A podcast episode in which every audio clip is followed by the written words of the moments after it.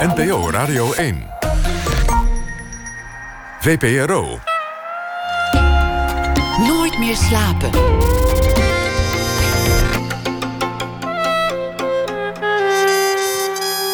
Met Pieter van der Wielen. Goedenacht en welkom bij Nooit meer slapen. De tijd van de jaarlijstjes is weer aangebroken. Na één uur gaat het over de film. De beste films van 2017. Op gezag van VPRO Cinema. Don Duins zal deze week elke nacht een verhaal maken bij de voorbije dag. En zangeres Beatrice van der Poel komt op bezoek. Maar we beginnen komend uur met Ad van Denderen. In eh, Huis Marseille in Amsterdam, een fotografiemuseum, is een tentoonstelling te zien. Met foto's die hij heeft gemaakt. eh, Jerusalem Stone. In 1965 al vertrok hij voor het eerst naar het Midden-Oosten, naar Israël. Kreeg een bijzondere band met het land, omdat zijn kind daar werd geboren. Maar het zou lang duren voor hij zou terugkeren na de oorlog van 1967, de Zesdaagse Oorlog. In de jaren 90 kwam hij uiteindelijk terug en bleek toen dat alles anders was. En dat probeert hij te tonen in Huis Marseille.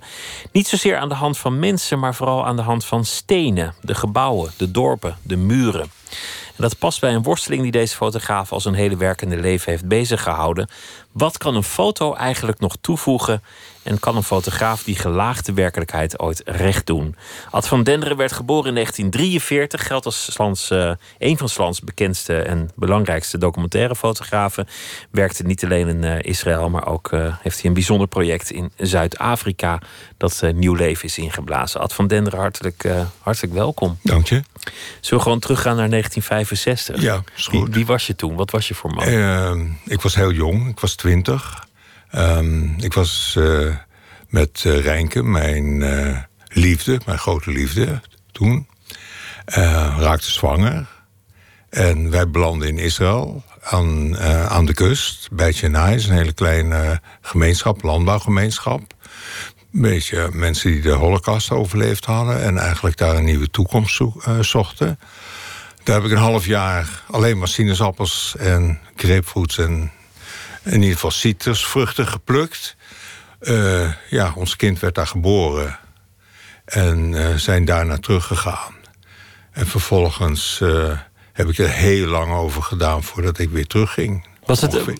wat was het waarom je naar Israël ging? Was het idealisme? Was het avon- Nou, het was een soort samenloop van omstandigheden. Ik bedoel, ik wilde zelf naar Azië gaan. Ik, was, ik kwam van de grafische school af. Ik, had, ik ben leerling van Ata Kando, een Hongaarse fotografe. Niet zo ja. lang geleden overleden. Ja, 103 jaar oud.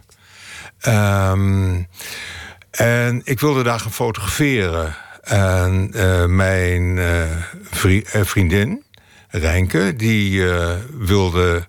Die zou naar de toneelschool gaan. Eh, maar die had een half jaar over. En die wilde graag naar... of in ieder geval naar kibbutz.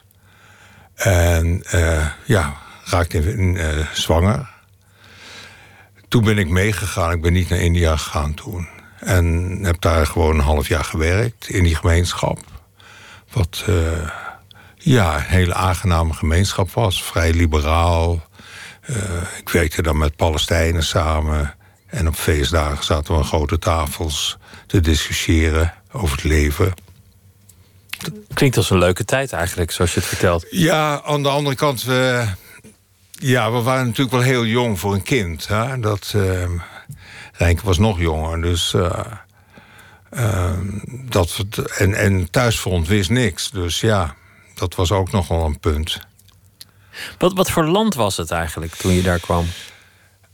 Ja, ik heb zelf niet veel gereisd toen. Ik heb eh, eigenlijk alleen maar gewerkt. Dus ik, ik ken die landbouwcoöperatie, die ken ik vrij goed. En eh, ik heb maar één keer een uitstapje gemaakt naar Jeruzalem. Dus ik, ik, ik kan eigenlijk heel weinig over het land ze- zelf zeggen. Maar eh, wij zijn...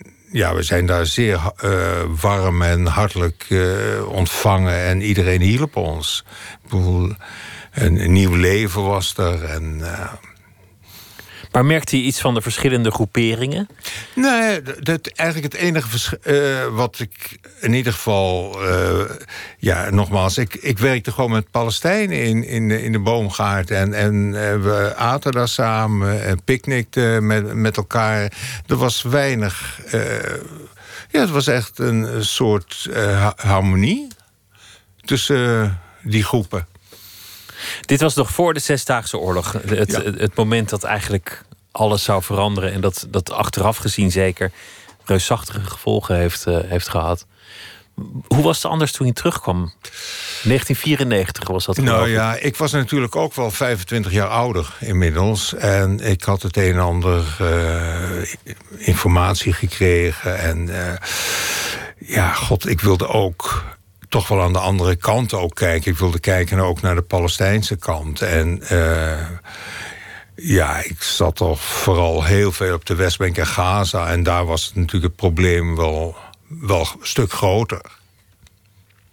De, de, het conflict, eh, waar, wat ik zeg maar in, in eh, 25 jaar daarvoor eigenlijk weinig van merkte. Er was nu echt een conflict gaande. Toen was je, was je wel echt een fotograaf. Toen kwam je er niet meer om fruit te, te plukken. Nee, nee, nee. Toen heb ik eh, ja, eigenlijk zeg maar zo'n jaar of drie eigenlijk heel documentair het leven daar gefotografeerd. Zeg maar op de Westbank en Gaza. En dat is uiteindelijk een fotoboek geworden. Eh, maar dat is journalistiek documentair werk, zwart-wit. Wat, wat wilde je doen toen als, als, eh, als fotograaf? Nou, het was ook een beetje voor mij voor de eerste keer dat ik weer terugging. Hè? En eh, ik wilde kijken wat er was. En eh, ik volgde eigenlijk wat iedereen daar zo'n beetje deed, die daar eh, zeg maar als fotograaf of eh, filmer deed. Het, dagelijks leven volgen. Ik bedoel, de, intifada was in, in volle gang. Ja, de, er was van allerlei acties en, en, en Hamas kwam op, eh, Jihad Islamia kwam op, al dat soort groeperingen die ook een weg zochten in, die, in het hele politieke systeem. En nou ja, goed, dat volgde ik hem eigenlijk redelijk op de, op de voet. Maar je probeerde geen oordeel te vellen. Je probeerde geen partij te kiezen.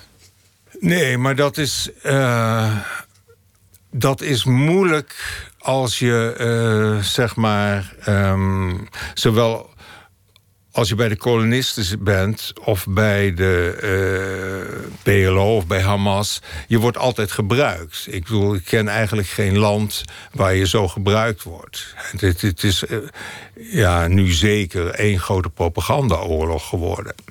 Hoe word je dan gebruikt? Waar, waar merk je dat aan? Nou ja, iedereen probeert je gewoon voor, je, voor hun kar te spannen. En, en nou ja, goed, dat is ook niet altijd dat uh, de waarheid. Uh, die wordt wel eens. Uh, ja, er wordt wel eens een, een rare bocht meegemaakt. Hoe gaat dat dan als ze je voor de kar proberen te spannen? Ja, ik, ik, ik, ik, ik kan ik kan me wel dingen zoals voor, een voorbeeld bijvoorbeeld dat ik, uh, maar dan spreek ik alweer later, dat, uh, dat ik in Jenin was en het was in, uh, er was een grote. het Israëlische leger was daar binnengevallen en het was heel moeilijk. Het was afgegrendeld door het leger en ik was dus door de Palestijnen, die hadden me binnengebracht. En dan wordt er gezegd van ja, dat, uh, en, dat er een genocide was, had plaatsgevonden. En het was, het was behoorlijk heftig, want ik bedoel, het hele centrum van het kamp... dat was wel vernietigd met bulldozers, maar het was geen genocide. Ik bedoel, er waren 46 mensen toen, geloof ik, bij omgekomen.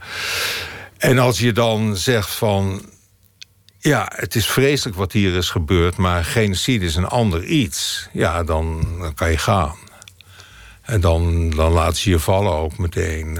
En dat, ja, iedereen probeert toch een beetje te sturen... Wat die, de boodschap die hij wil verkopen. Met andere woorden, als je niet aan een van de beide kanten staat... dan, dan, dan willen ze je ook niet daar hebben. Dan willen nou, ze je niet helpen. Niet, liever niet, nee. Maar je hebt ook bescherming nodig. Ja, dat ligt eraan. Ik denk dat het in het begin uh, kon ik daar redelijk... Uh, ik was ook wel nieuw daar. Ik kon daar redelijk uh, doorheen fietsen.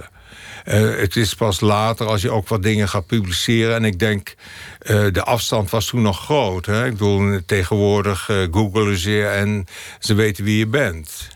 En daar had ik toen nog niet zo'n last van. Is het mogelijk, nu nog, denk je, om, om in zo'n conflict verslag te doen en, en beide kanten vast te leggen als fotograaf zonder kant te kiezen? Ja, dat, dat begint natuurlijk al met de persoon die je bent. En, en eh, ik denk dat ik het op het eind zeker gedaan heb. Maar dan, dan zijn we eigenlijk alweer een stuk verder in de tijd. En dat ik... ehm, ja, toch wel met mensen de afsprak. En, eh, maar dat ik ook behoorlijk mijn eigen gang kon gaan. Dat is wel gebeurd op het eind. Maar dat was voor mij ook... Ik zat ook niet meer zozeer zeg maar, op het directe conflict.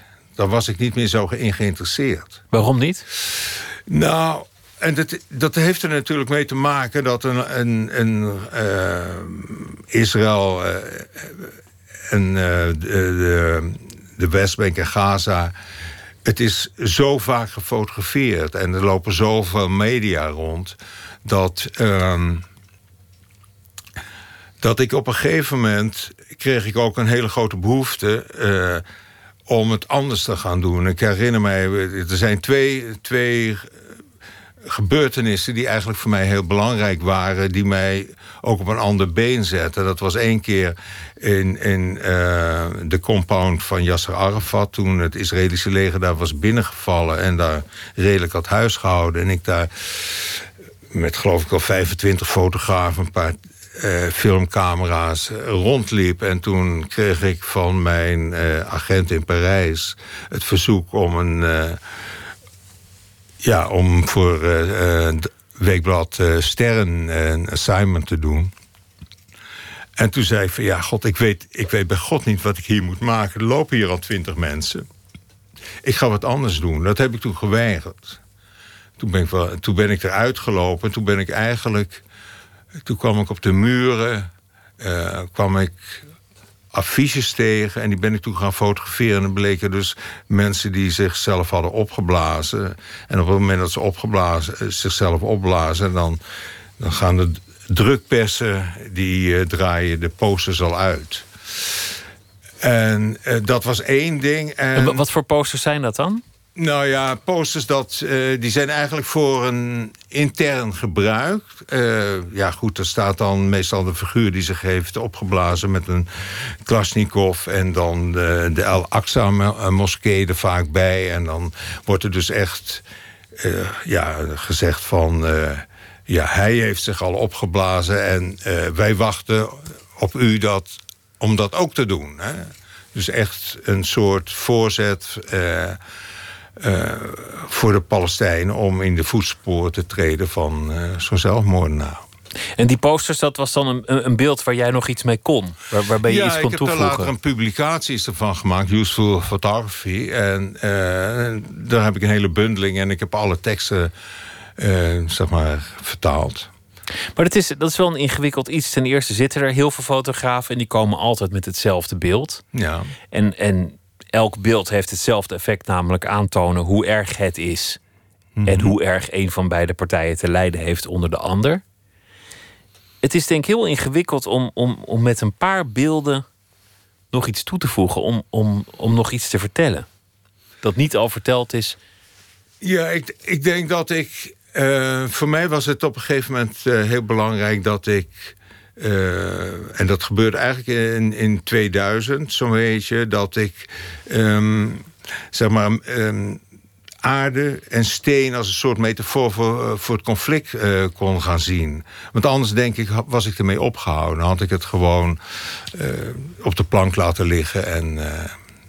maar op, de- op het moment dat ik dat kon gebruiken, ehm, kon ik verder. En ik bedoel, voor mij was aarde, en dat draait eigenlijk alles om in, in, dat gebied. Ik bedoel, daar kan je de bakje stenen van, je kan er.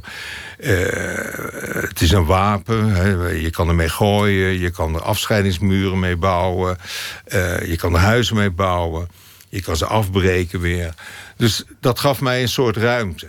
En ik denk dat als ik, nou nogmaals, als ik dat niet had gedaan, was ik ook gestopt daar.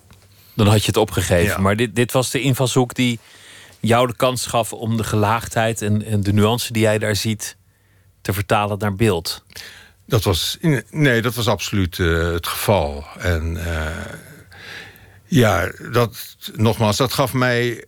Hè, want ik, ik had nog een keer een ander. eh, andere zaak dat ik. ehm, ik, was, ik kreeg een telefoontje in Tel Aviv dat er een gokhal was opgeblazen. En ehm, nou goed, er waren geloof ik 14 doden. Er was een Palestijnse eh, gokhal, monteur van Hamas binnengekomen. Die had zichzelf opgeblazen. En, en ik liep daar met een camera rond. En nogmaals, er was eh, weer, waren er heel veel fotografen, sirenes, zieke auto's, afvoeren, gewonden. En toen ben ik, heb ik de volgende dag heb ik een foto gemaakt, toen was er niemand. En dat van die hele gokhal die opgeblazen was. En dan, nou, dat vind ik eigenlijk een veel indrukwekkender beeld was dat voor mij dan de gekte er allemaal omheen. Eh, dus dat waren eigenlijk voor mij de twee momenten dat ik dacht van... ik moet dit anders gaan doen. Niet de mensen, wel de, de ja, stenen. toen ben, ik, toen ben ik eigenlijk steeds minder mensen gaan fotograferen. In, de, in Huis Marseille zijn, is verschillend werk te zien. Ook, ook ouder werk dat je daar eh, geschoten hebt. Op, op het recente werk kun je ook zien dat jouw techniek van fotograferen is veranderd. Je bent afstandelijker gaan fotograferen. Van, van een grotere afstand. Ja, ik denk dat ik eh, in ieder geval een stap terug heb eh, gedaan. In die, hè, als ik dat vergelijk met het oude werk, zeker het zwart-wit werk... hè, dat deed ik altijd met een 35 mm. Ik stond er altijd tussen en ik kreeg vaak op mijn donder van andere fotografen... dat ik in de weg stond. Eh, nu had ik, wilde ik gewoon die stap terug doen om... ja, de emotie er een beetje uit te halen. Dat is, dat is eigenlijk. En ik ben eigenlijk, zeg maar, ehm, van zwart-wit naar kleur gegaan, naar middenformaatcamera. Dat zijn ook allemaal hele andere dingen. Het wordt allemaal eh, wat rustiger, het beeld. Dat is er allemaal gevolg van. Je fotografeert bijvoorbeeld een, een dorp dat helemaal niet een echt dorp is. Of een stadje dat, dat, dat niet daadwerkelijk bewoond is, maar dat alleen maar is gebouwd voor de Israëli's om te oefenen. Om te oefenen op een bepaald soort militaire operaties. Ik, ik moest twee keer kijken naar het stadje, want je, je voelt meteen dat er iets niet, niet in de haak is. Al, al lijkt het nog wel een beetje op een normale nederzetting. Wat, wat, Ja. wat is dat voor, voor omgeving? Nou, allereerst, die stad is gebouwd. Eh, er was, eh, in 2002 was er een aanval op Nablus. En er was eh, het Israëlische leger, die had nog wel wat tegenstand gekregen. En toen had zeg maar, de commandant van het bataljon... die had 20 steenboren laten komen. En vervolgens heeft hij in 17 dagen... Is hij van de rand van, het, van Nablus naar het centrum heeft hij zich geboord. Hij is nooit meer op straat gekomen. En dat was zo succesvol dat het eigenlijk is een soort kopie van die operatie is daar neergezet. En dat is een, eh, ja, een, zeg maar een, een Palestijns dorp wat, eh, wat gefinancierd is door de Amerikanen. Oefenen daar ook af en toe. En eh, om, een, eh, ja, om een Palestijns dorp zo efficiënt mogelijk in te nemen. En alles is er. De, de camera's, ondergrondse tunnels. Wat je maar wil. Ja. Een, een spookdorp met een militaire functie. En een ander spookdorp dat je hebt gefotografeerd was juist idealistisch. Dat was een plek waar de Palestijnen dachten te kunnen gaan wonen. Ook met Amerikaans geld eh, gefinancierd, als ik, het, als ik het goed heb. Nou, het is vooral een, eh, een Palestijns eh, eh, vastgoedman die eh, in Amerika gewoond heeft. En is, hij zit zelf op de Westbank, het is Bashir. En eh, met veel geld van hemzelf. Hij heeft veel geld in, in de Golfstaten verdiend. En er is geld van Qatar. Met name. En eh, zijn droom was een, een stad te bouwen voor de eerste nieuwe Palestijnse stad te bouwen. En een stad voor 40.000 inwoners geworden, ehm, waar alles is. Ehm, moskeeën, ziekenhuizen, theater, scholen, zelfs een kerk. Toch zag het er niet uit alsof het echt van de grond is gekomen.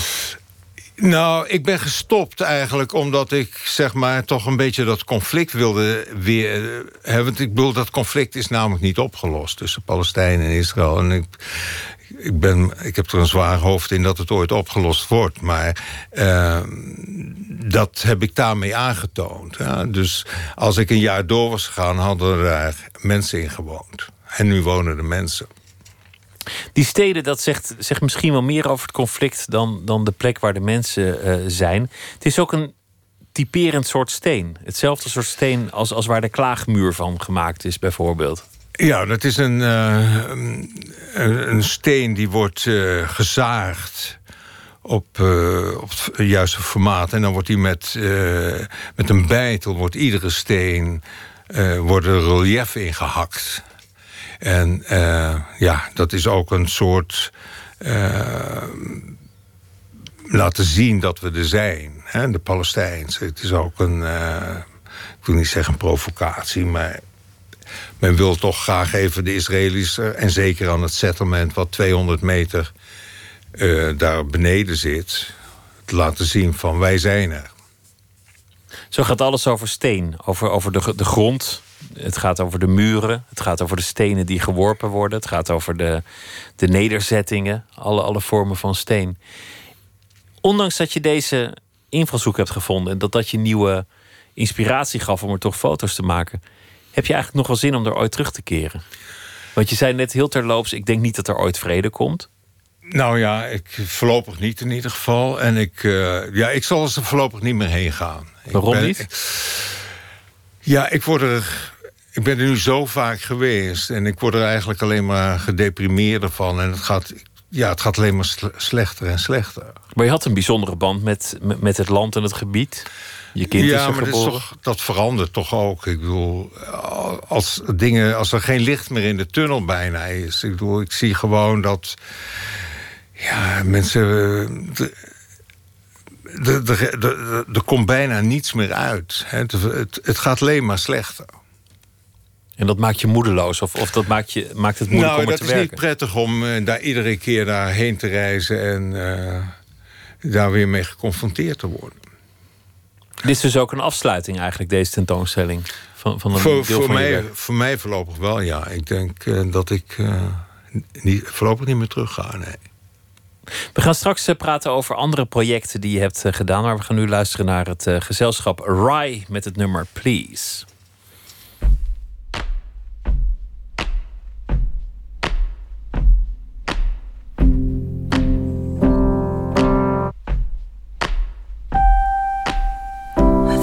You heard me wrong.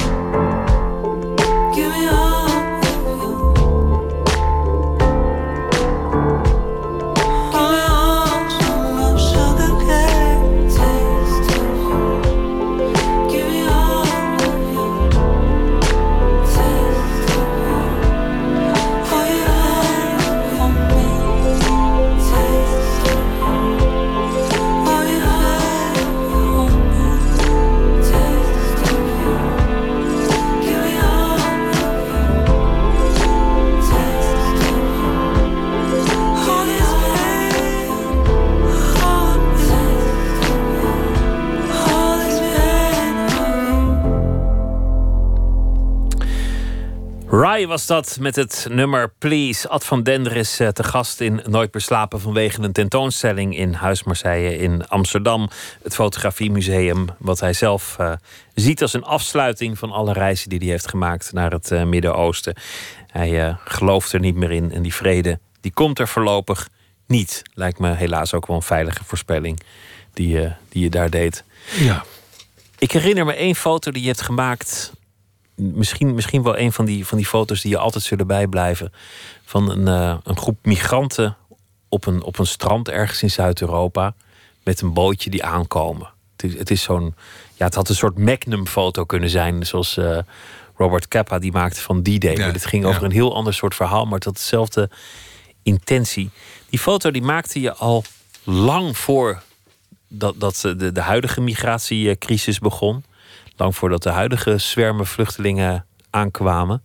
Dit, dit moet geweest zijn al zeker 15 jaar geleden, volgens mij, dat je die foto maakte.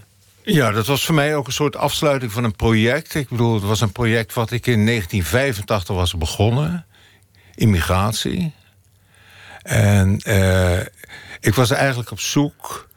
Ja, tegenwoordig komen ze met honderden bij het strand aan. Maar dat was toen nog niet het geval. Ik was op zoek naar...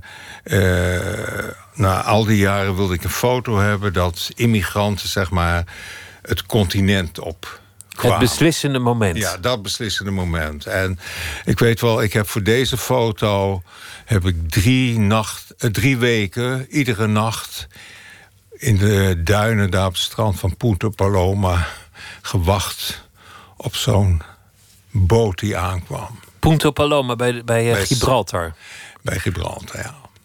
En, en dan, dan, dan lag je daar en er gebeurde dus 21 keer niks of 20 keer niks. Nee, ja, dat kon er ook nog een keer.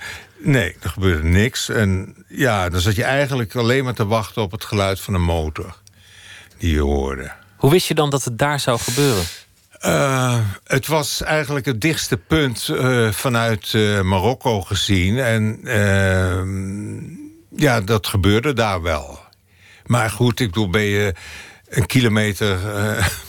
zit je er een kilometer vandaan, dan red je dat niet meer. Dus je moet gewoon een keer geluk hebben dat je een, een, een buitenboordmotor hoort.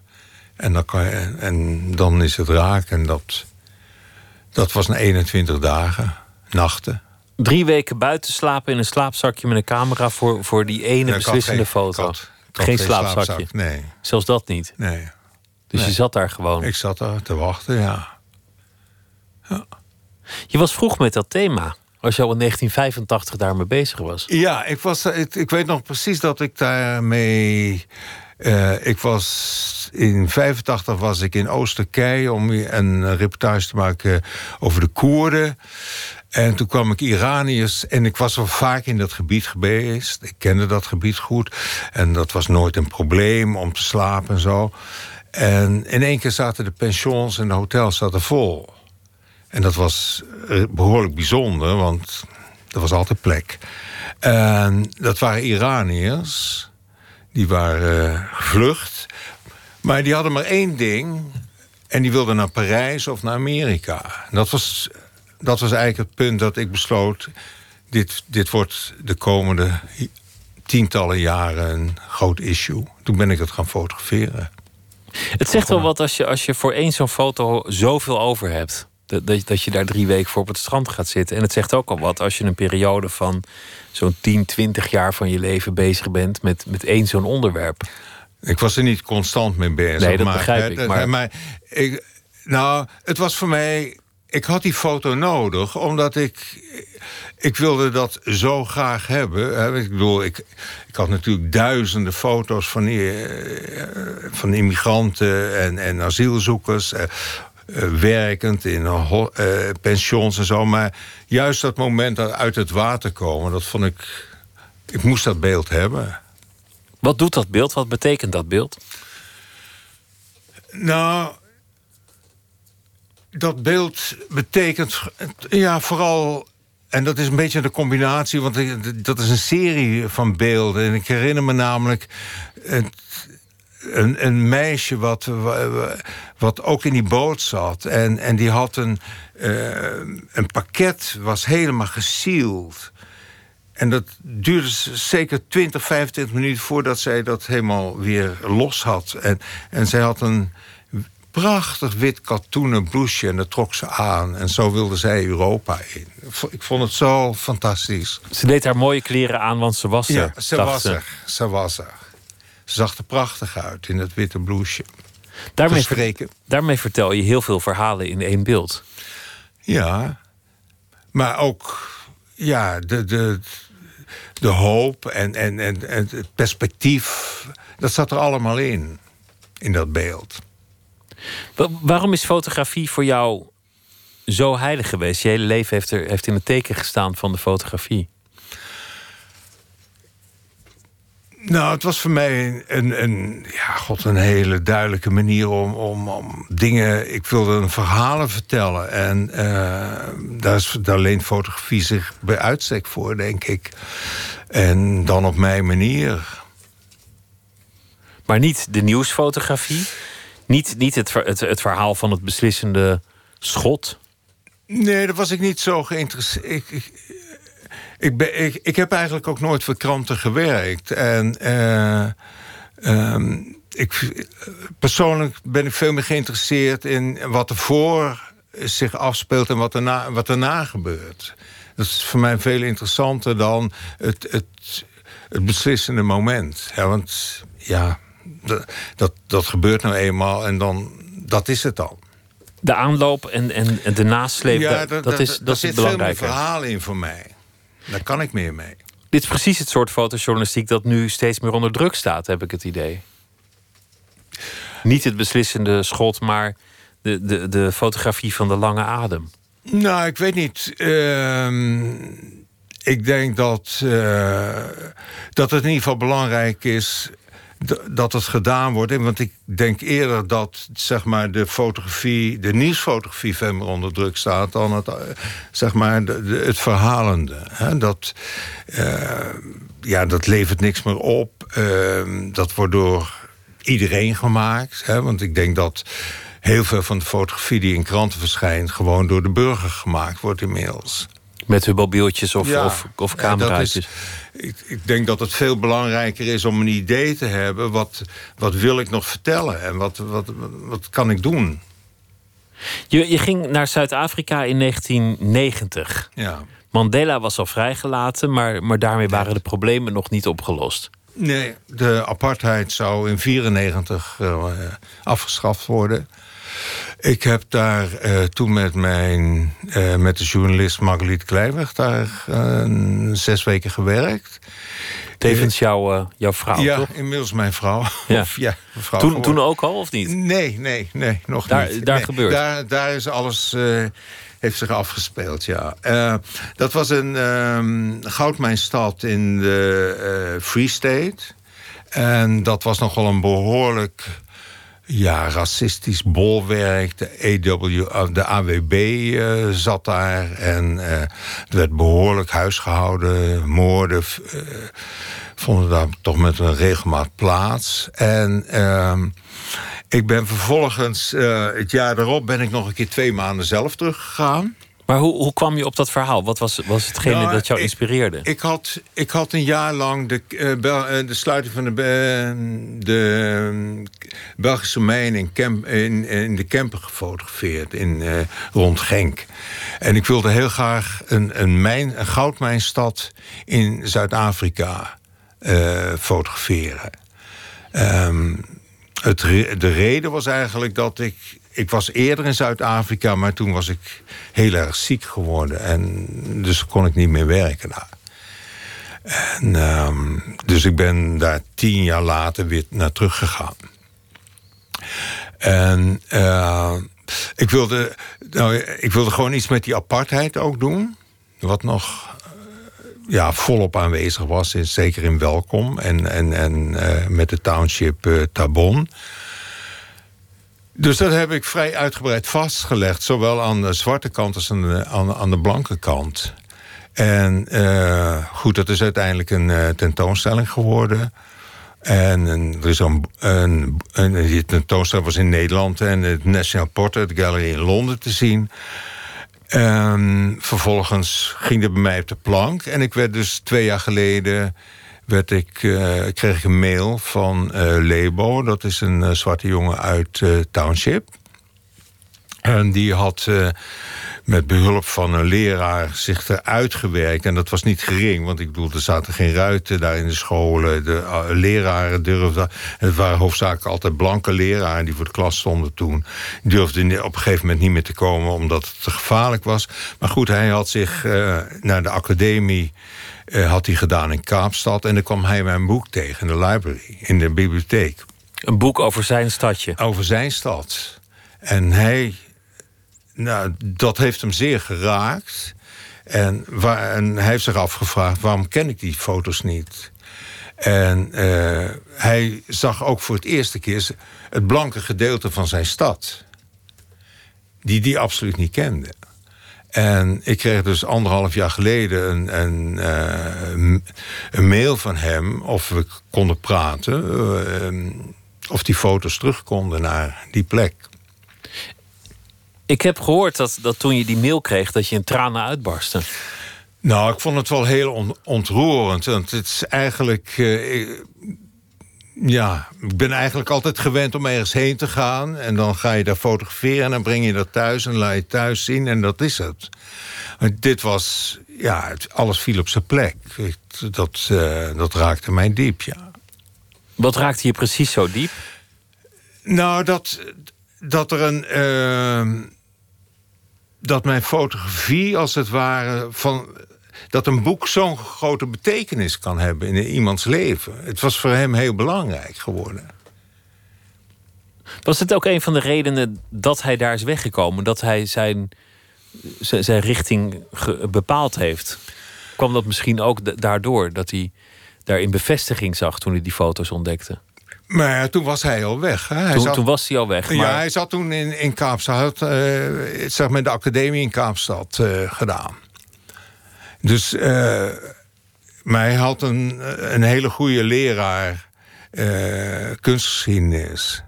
En die heeft hem eigenlijk eh, gestuurd. En zodoende heeft hij, is hij fotografie gaan doen op de academie. wat is het vervolg? Want, want je bent teruggegaan met jouw foto's. Nou, het vervolg is dat ik eerst eh, in afgelopen maart heb ik een eh research strip gedaan met, eh, eh, met een aantal mensen. En eh, we zijn nu net terug. Eh, we hebben daar een workshop gegeven op eh, drie verschillende scholen. Te weten zijn oude school, de Teto High in Tabon. En ehm, de eh, Welkom Gymnasium, eh, wat vroeger eh, eh, totaal blank was. En dan hadden ze ook nog schietles. En, en de boerenschool, de Afrikaanse, de Goudveld eh, school. En dat is een puur, ja, echt, echt een boerenschool. Kortom, we hebben daar vier weken workshops gegeven, fotografie. De kids eigenlijk hun eigen leven laten vertellen door, door beeld. En het was fascinerend om te zien eigenlijk dat... eh, je, je kon er eigenlijk een soort sociologische maatlat op die scholen leggen. Ik bedoel, die, die, de, zeg maar, de zwarte kinderen in de township... die gingen helemaal los emoties. En, en terwijl zeg maar, de boerenschool dus helemaal aan de andere uit. Dus eh, die, die begon alleen maar abstract te werken. Bijna geen emoties meer. Dus hoe, hoe mensen in dat... Hoe ja, anders die- ze met dat medium omgaan. Ja. Hoe kan dat? Nou ja, ik denk dat het heel duidelijk het, het perspectief is... waar ook zeg maar die blanke kinderen in zitten. Ik, dat is eigenlijk het enige wat ik daarop kan vertalen. Maar het perspectief waardoor ze abstract gaan, gaan, gaan werken, hoe, hoe zit dat? Nou ja, dat.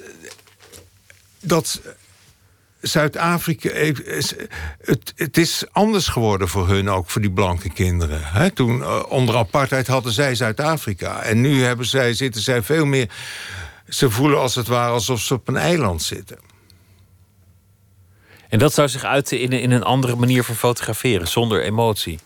Gedistanceerder. Ja, ik, eh, heel weinig mensen komen erop voor. Het, het, het, is, het is vanuit een hele geïsoleerde positie eh, wordt er gefotografeerd. En uh, het is fascinerend om te zien. Interessant. En, en wat voor effect heeft het op, op die andere kinderen als je ineens gaat fotograferen? Want, want dan kijk je ook anders naar je omgeving, naar je plek, naar de wereld waarin je bent.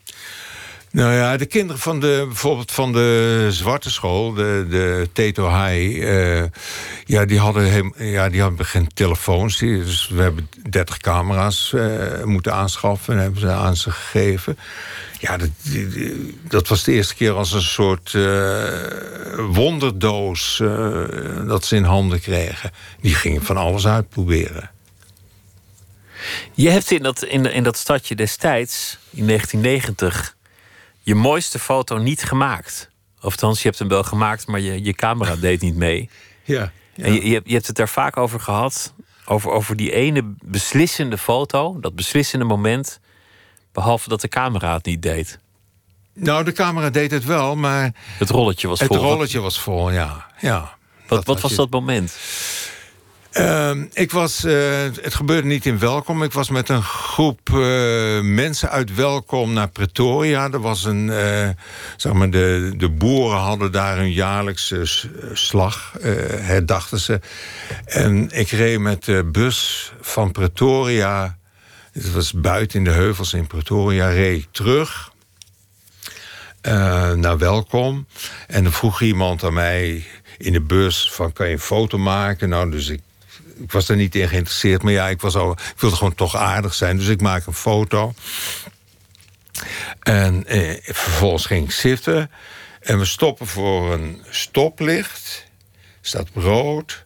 De ramen staan open. En er staat bij het stoplicht staat een, uh, een zwarte man met een bos rode rozen. En die komt naar de bus toe, want die wilde rozen verkopen.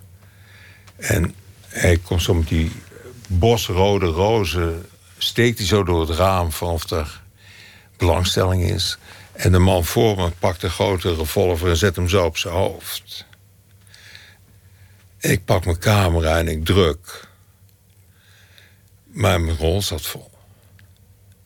Maar wat een, wat een indrukwekkend beeld. Vooral die combinatie van, van rode rozen ja. en, en, en, en, een, en een pistool op je ja. hoofd.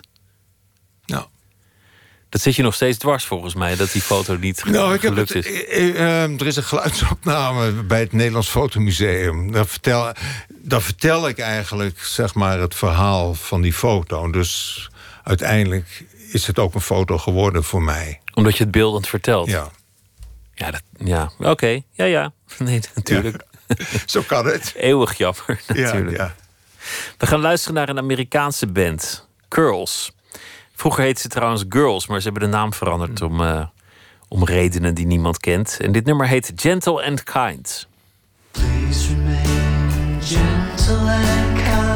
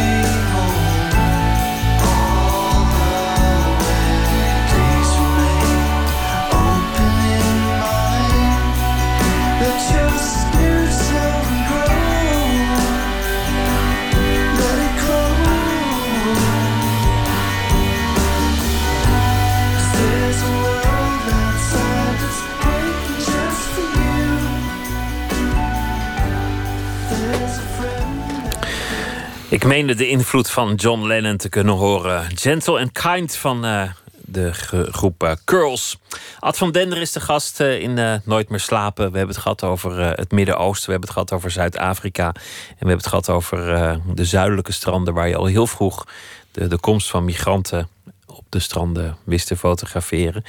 Je, je begon ermee dat je eigenlijk een soort hang had om te, om te reizen naar het oosten. Je wilde naar India, maar uiteindelijk uh, werd het Israël. Je, je, vriendin werd zwanger, dus alles liep, liep anders. Toch was je als jonge man, was je volgens mij ook een, ook een, een, een beetje een fruitbuiter. Ja, ik denk dat ik. Uh, ik was in Zeist geboren en uh, ik geloof dat ik een jaar of 17 was dat, dat ik het gevoel had van ik wil weg hier. En, Maakt niet uit waar naartoe. Nou, wel ver weg. Ik wilde. Ik, had ook heel bewust. Ja, god. Uh, wat, wat geld uh, gespaard. En ik ben ook vervolgens wel een jaar achter elkaar. een één stuk weg geweest. Hoe bijzonder was dat? Waren, waren je ouders reizigers? Kwamen jullie ooit erg? Nee, nee, ik kom uit gewoon een arbeidersmilieu. En uh, ik was nooit verder geweest dan Zandvoort, bij wijze van spreken. En dat, uh... Zandvoort was zover als de horizon reikte. Ja, ja. En uh, ik weet nog wel dat ik. Um, dat ik als, als klein kind liep ik vaak. Uh, want je had, bij ons had je zo'n snelweg. En daar liep ik dan altijd heen. En uh, dan ging ik dan aan die snelweg staan. En, en er was een blauwe lucht. En dan, dacht, daar droomde ik altijd van. Eens komt er een dag dat, dat ik ga. Maakt niet uit waar naartoe nog steeds. Nee, Gewoon gaan. Gaan, weg, weg, weg ontdekken, nieuwsgierig. En, uh... Je werd als kind geschept door een legertruck. Ja. Niet, niet een belangrijk biografisch gegeven wellicht, maar toch het vermelden waard. Lijkt me nogal wat. Um, ja, ik ben. Uh, nou, ik heb heel veel geluk gehad, laat ik het zo zeggen. Dat er was een truck die op mij viel. Ik, ik weet niet of je bij Utrecht uh, heb je zo'n circuit en dan ga je met de fiets onder. onder en zo'n grote lege truck die reed van de weg af en die viel bovenop me als het ware.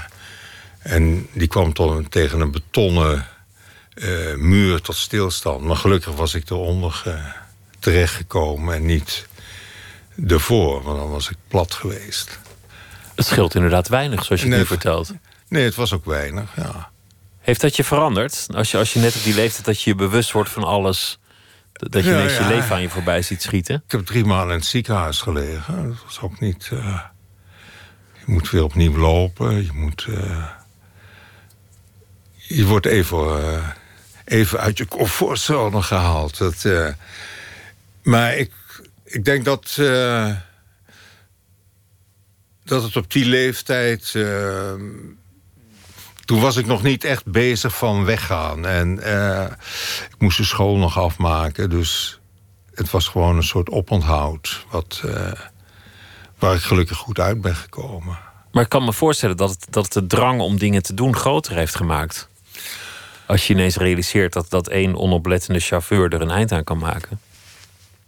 Ja, maar ik denk dat dat uh, zonder dat ongeluk ook gebeurd was. Ik had gewoon een ontzettende behoefte om, uh, om de wereld in te trekken. Dat, dat is eigenlijk altijd geweest vanaf mijn veertiende jaar wilde ik weg. Je hebt als jonge man uh, vastgezeten om, omdat je hash had meegenomen vanuit Afghanistan. Ja. En je, je, werd, je, je werd gepakt en je kwam in een, in een Persische cel, leest het krantenbericht. Dat klopt, ja. Hoe, hoe lang ik heb je daar gezeten? Ik heb daar twee jaar gezeten, ja. Twee jaar? Ja. ja. Het was een beetje, zeg maar, de hippie-tijd. Ja, iedereen rookte toen, blode. En uh, ik deed het op de verkeerde plek. Dat, dat lijkt me uh, tamelijk zwaar, twee jaar in een cel in die contraien. Ik moet zeggen dat dat... Uh, in, dat viel eigenlijk wel mee daar. Het, uh, hoe gek het ook klinkt, maar uh, Iraniërs zijn, ja, vond ik hele aangename mensen. En uh, ja, goed, het is natuurlijk niet leuk om twee jaar te zitten als iemand en iemand anders heeft de sleutel voor je vrijheid. Maar qua omstandigheden vond ik het wel meevallen. Hoe kwam de fotografie in je leven? Eh, de fotografie is eigenlijk pas eh, tijdens het reizen. eh, ehm, combineerde ik dat, ging dat combineren. Ik bedoel, ik had de grafische school gedaan. Ik had daar les gehad van Ata, Ata Kando. Ehm, ik had niet zo gek veel gefotografeerd op school zelf. Maar begon eigenlijk pas na, na school te fotograferen. En tijdens reizen. En ik weet wel, van mijn eerste reis toen ik een jaar in Azië had gezeten. Toen eh, is er een, liet ik het aan eh, directeur van de Nederlandse Kunststichting zien. En die was zo onder de indruk. Die heeft meteen gezorgd dat ik een tentoonstelling had. En dat is toen een reizend te- tentoonstelling geworden. En, want eigenlijk ben ik grafisch vormgever. Daarvoor had ik geleerd. En Atakando, dat, dat, dat lijkt mij een, ongeveer de beste docent die je gehad kunt hebben in Nederland. Ik, ik zag niet zo lang geleden een, kort voor haar overlijden, een tentoonstelling met haar werk in, in Rotterdam. Ja. Zeer indrukwekkende fotografen. Maar er waren ook een aantal mensen die vertelden over haar als, als docente. En, en die lat die lag altijd enorm hoog. Ze was niet snel tevreden. Nou, het is een eh, heel, een heel bijzondere vrouw was het. En eh, ik weet wel, mijn eerste tentoonstelling eh, heb ik met haar samen in het weekend afgedrukt op school. En eh, ja, zij, zij was echt iemand die een hele dag in de doka kon staan. En als ze dan twee goede drukken had, dan was het, eh, was het goed. Nee, die was echt... ja, alles moest. De zwarting moest goed zijn. Het wit moest het juiste wit hebben. Soms, zeker toen in die periode, dacht ik wel eens van als ik, als ik ze naast elkaar zag, dat ik bijna het verschil niet kon zien. Maar van één foto had je dan, van spreken, twaalf afdrukken. Nou, het is juist goed als iemand de lat hoog legt. dat hou je nee, altijd vast. Ja, ja, Daar leer je van uiteindelijk. uiteindelijk wel, ja. Op het moment zelf denk je wat een, wat een gezeur, maar, eh, maar later ben je blij. ja. Maar soms was het ook wel eens moeilijk te zien. Dat is wat ik bedoel te zeggen. Je hebt inmiddels zoveel gedaan en, en zoveel, zoveel reizen gemaakt en zoveel reportages en zoveel eh, eh, foto's gepubliceerd.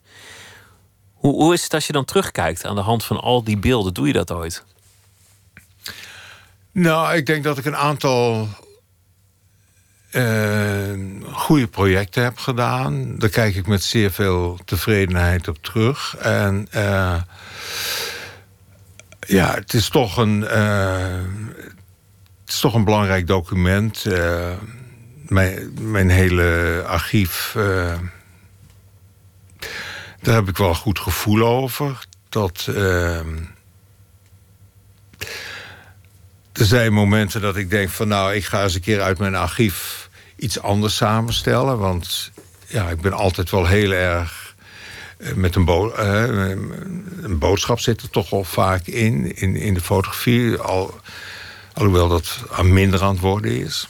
Maar ja, ik, ben nu 74 en ik ga nog wel even door. En eh, dat, dat geeft mij in ieder geval een goed gevoel. Wat ik, ja, gevuld leven toch wel.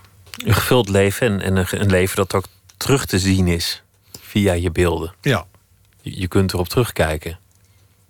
ja maar het is, het is ook. eh, ik, zeg maar, dat, dat zie ik nu ook weer met. eh, nu ik met, zeg maar, met Zuid-Afrika bezig ben. Dat ook ik. eh, gedurende zeg maar die 25 jaar. Ik kijk nu anders naar beelden dan toen. Je ziet dus andere dingen. Ik zie andere dingen weer. En eh, dat heeft ook alles met mijn eigen ontwikkeling te maken. En dat, vind ik, dat is op zich natuurlijk wel een interessante constatering. Dat een beeld niet eenduidig is. Nee. Ja. Te zien in eh, Amsterdam, in eh, Huis Marseille, nog de, de foto's over Israël en het Midden-Oosten aan de hand van Stenen. Ad van Denderen, dank je wel voor, voor dit gesprek. En eh, heel veel succes ook vooral met het project eh, in Zuid-Afrika. Dankjewel, graag gedaan.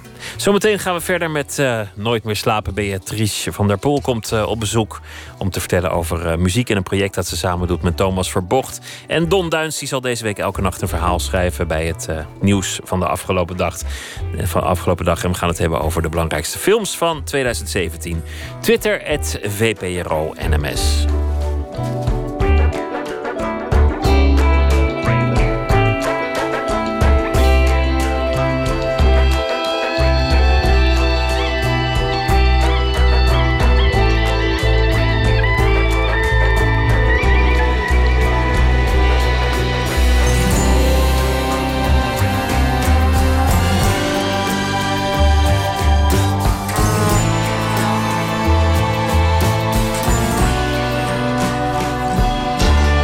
Radio 1. Het nieuws van alle kanten.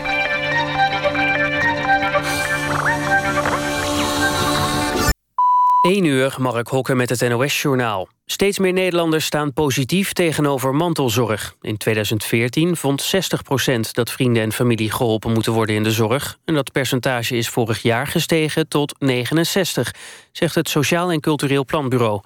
Niet-westerse migranten staan positiever tegenover mantelzorg. Van hen vindt 84 procent dat mensen voor hun familie moeten zorgen.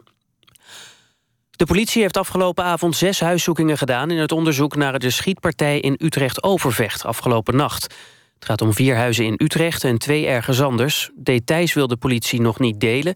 En ook of er aanhoudingen zijn verricht is nog onbekend.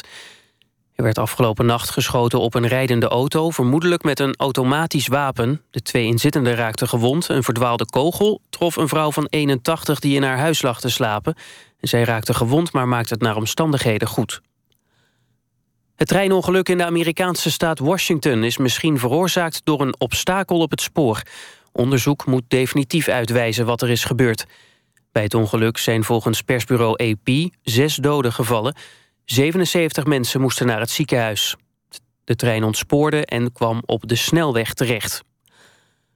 De politie in IJsland, Polen en Nederland heeft een grote actie uitgevoerd tegen producenten van synthetische drugs. De actie werd gecoördineerd door de internationale opsporingsorganisaties Europol en Eurojust. Er zijn 30 panden doorzocht en drie mensen aangehouden. Verder werd beslag gelegd op bankrekeningen, auto's en appartementen... met een totale waarde van bijna 2 miljoen euro. Het onderzoek loopt al een jaar en is voorlopig nog niet afgerond, zegt Europol.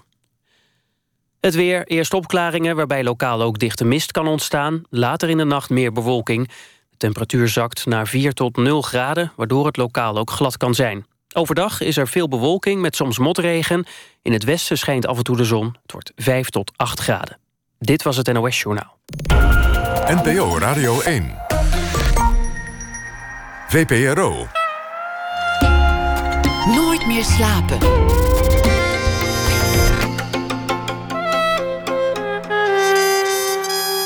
Met Pieter van der Wielen. Don Duins leest deze week elke dag een verhaal bij het nieuws van de afgelopen dag. En zangeres Beatrice van der Poel komt op bezoek in de rubriek Open Kaart vanwege een voorstelling samen met schrijver Thomas Verbocht.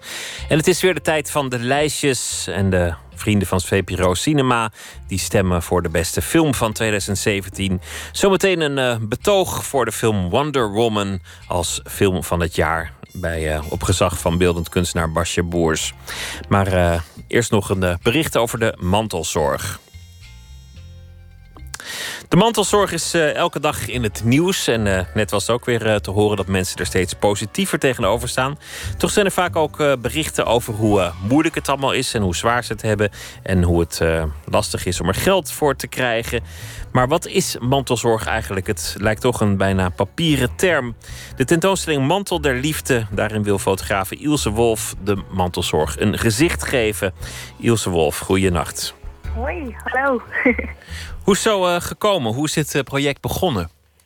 Um, het is begonnen met uh, het feit dat mijn vader al 13 jaar een arm mist. En mijn moeder voor hem zorgt. En zij zag zichzelf nooit als mantelzorger. En dat vond ik heel interessant. Wie zijn nou eigenlijk wel en niet de mantelzorgers? Wanneer ben je dat nou wel of niet? Exact. En vooral wanneer ervaar je het? dat je er een bent. Want de meeste mantelzorgers zien het niet zo. Wat heb je precies gedaan? Want je hebt eh, een, een fototentoonstelling gemaakt over het onderwerp mantelzorg. Hoe ga je dan te werk?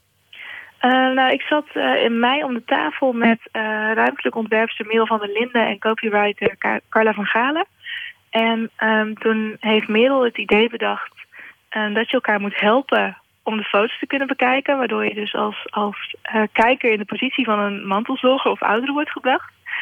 En vervolgens zijn we subsidies en fondsen gaan werven en ben ik gaan fotograferen. En zijn we in een soort rollercoaster terechtgekomen. En hebben we de expositie uit de grond gestampt. Je vertelt allemaal verhalen die iets te maken hebben met, met het onderwerp uh, mantelzorg.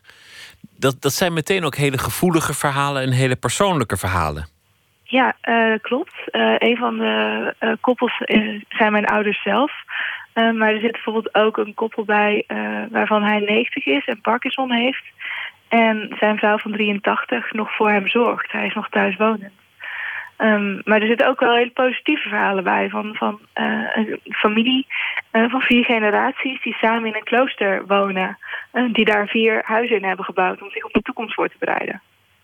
Dus ook wel blijmoedige verhalen. Want meestal in het nieuws als het over mantelzorg gaat, dan, dan is het somberheid troef. Dan gaat het over problemen, gebrek aan tijd, gebrek aan geld, et cetera. Ja, nee, we hebben expres ervoor gekozen om een heel gemeleerd beeld van mantelzorg te schetsen. Uh, ook een kleinzoon en zijn opa, een mantelzorgende hond hebben we zelfs. Um, omdat juist dat is belangrijk, omdat mantelzorg heel erg onzichtbaar vaak is. Hoe was het voor jou om die foto's te maken? Hoe kijk je terug op dit project? Um, nou, het was wel heel uh, intensief. Uh, wat ik vooral heel erg bijzonder vond, is hoe dichtbij ik bij mensen uh, ben gekomen. Hoe dichtbij zij mij hebben gelaten met mijn camera. En dat ik zo uh, zulke intieme momenten eigenlijk heb mogen fotograferen... van mensen die zelfs geholpen werden in met het douchen of badderen. Um, en het was ook zeker af en toe wel emotioneel. Zeker als ik samen met Carla de interviews deed... dan zaten we af en toe wel echt na afloop te huilen. Was dat omdat die mensen dankbaar waren dat je, dat je dit deed? Um, ja, ik denk het. Het, is, was, het was, dit project was niet alleen maar iets, iets komen halen als, als maker... maar ook zeker iets kunnen brengen en een soort aandacht geven en, en gezien worden. De foto's die zijn uh, ook online te zien. Uh, het project heet Mantel der Liefde en er is de tentoonstelling. Ilse Wolf, dank je wel. En heel veel succes met het vervolg op het project. Dank je wel. Dank je wel.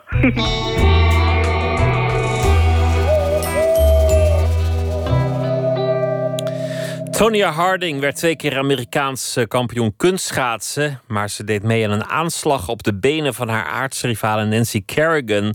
En die uh, moest zich terugtrekken uit uh, de wedstrijd. Ze werd uiteindelijk geschorst en ze verloor al haar titels. De Amerikaanse zanger Suf John Stevens is al jaren gefascineerd door dit verhaal.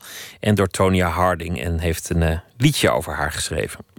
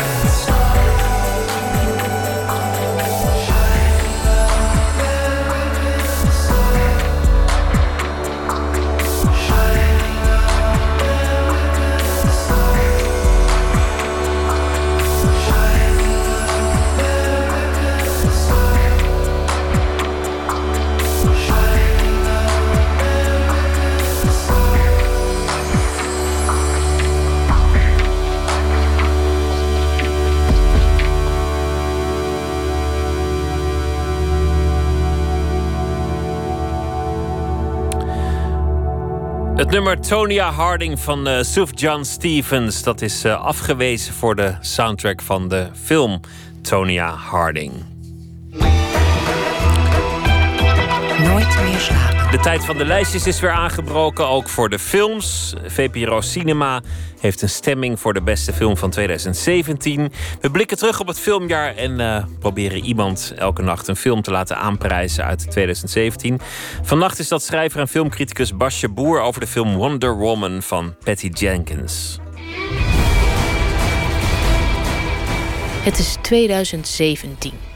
Voor de eerste keer in de geschiedenis van Hollywood maakt een vrouwelijke regisseur een blockbuster met een vrouw in de hoofdrol.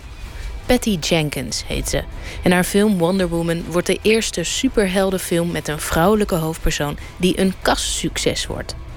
Daarnaast wordt de film in de internationale pers en op social media omarmd als een feministische mijlpaal. Onder meer door Basje Boer, schrijfster en filmcriticus voor de Groene Amsterdammer en de Filmkrant. Het is een film met een heel hoog budget. Echt zo'n zomer blockbuster. eh, waar de studio heel veel van verwacht. En die is geregisseerd door een vrouw. En dat komt bijna nooit voor eigenlijk. En dan ook nog eens een superheldenfilm over een superheldin. Dus een vrouwelijke hoofdrol. Ehm, en superheldinnen zien we sowieso niet vaak natuurlijk. En al helemaal niet eh, in hun eigen film. Dat op zich maakt de film al bijzonder. En dan is het ook nog eens een geslaagde film. Een film die ook doet wat hij moet doen. Namelijk, je leeft met dat personage mee. Je vereenzelvigt je met haar. En het is een heel inspirerend personage. Ze weet wat ze wil. Ze is ambitieus, zou je ook kunnen zeggen.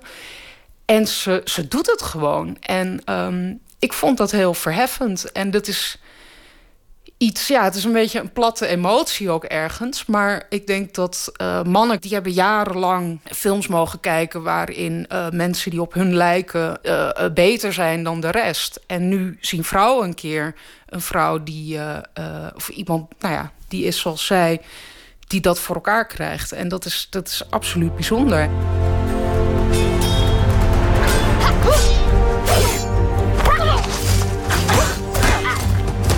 You keep doubting yourself, Diana. No, I don't. Yes, you do. No, I don't. You are stronger than you believe. You have greater powers than you know. But if you don't, try hard. Wonder Woman groeit op als Diana, op een eiland met alleen maar vrouwen. Hun grootste vijand is Ares, de god van de oorlog. Op een dag spoelt er een militair aan, Steve. Where are we? The mascara. From what? Who are you? Hij blijkt een Amerikaanse spion in de Eerste Wereldoorlog te zijn. Diana is ervan overtuigd dat Ares hierachter zit en gaat met Steve mee naar Londen. Om, met behulp van haar magische krachten, een einde te maken aan de oorlog.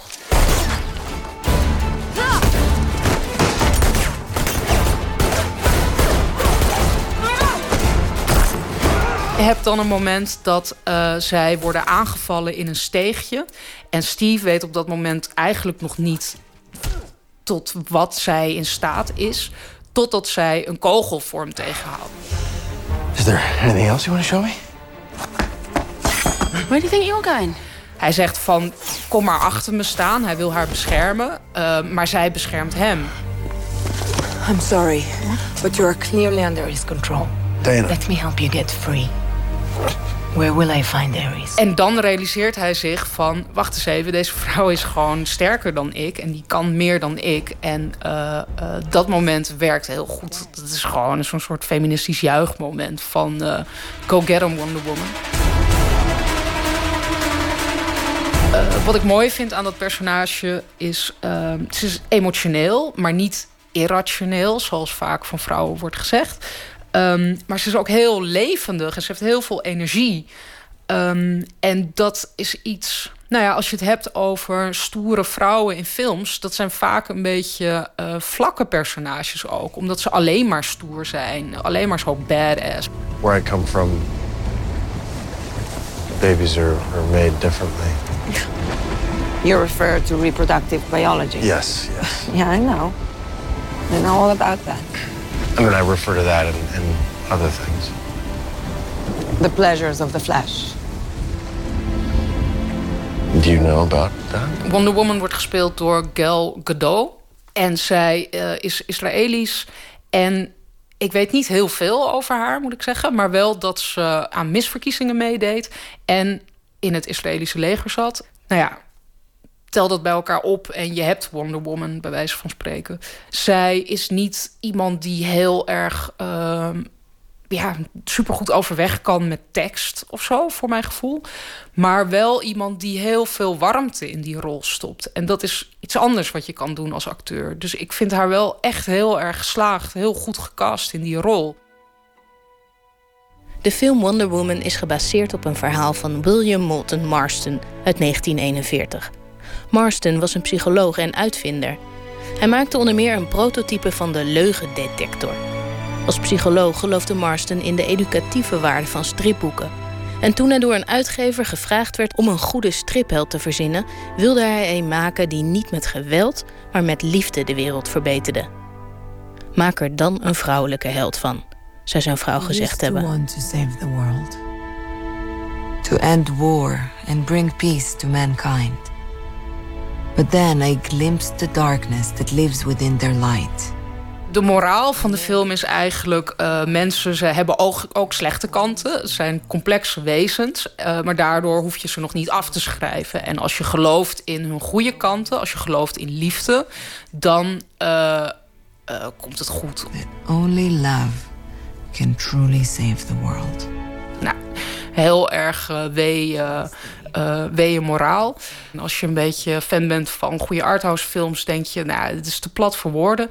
En toch werkt het heel goed, omdat dat personage, Wonder Woman, die die gelooft dat echt. Het klopt helemaal met haar karakter dat zij tot die conclusie komt. Het is gewoon echt een heel, wat mij betreft, echt een moment dat, uh, dat verdiend is, zeg maar. Omdat de hele film naar die conclusie toewerkt. En dan heb je een goede film gemaakt. Ook al is het een popcornfilm uh, waar uh, menig uh, filmfan op neerkijkt. Het, het werkt. Het, het, ja, het klopt.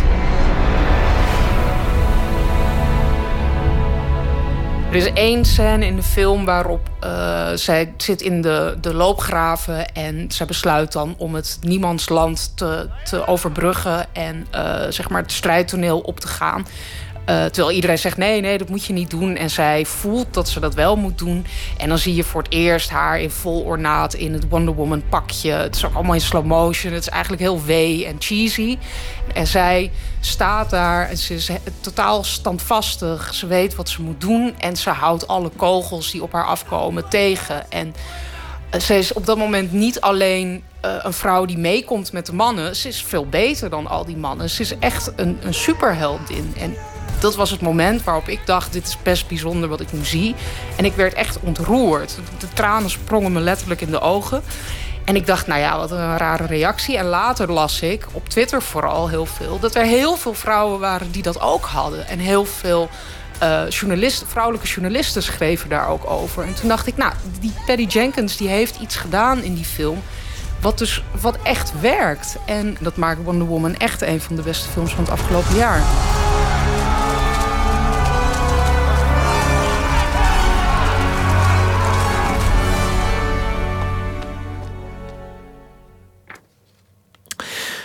Basje Boer was dat over de film Wonder Woman van Patty Jenkins. De eerste superheldenfilm met een uh, vrouwelijke hoofdpersoon. Ook gemaakt door een vrouw.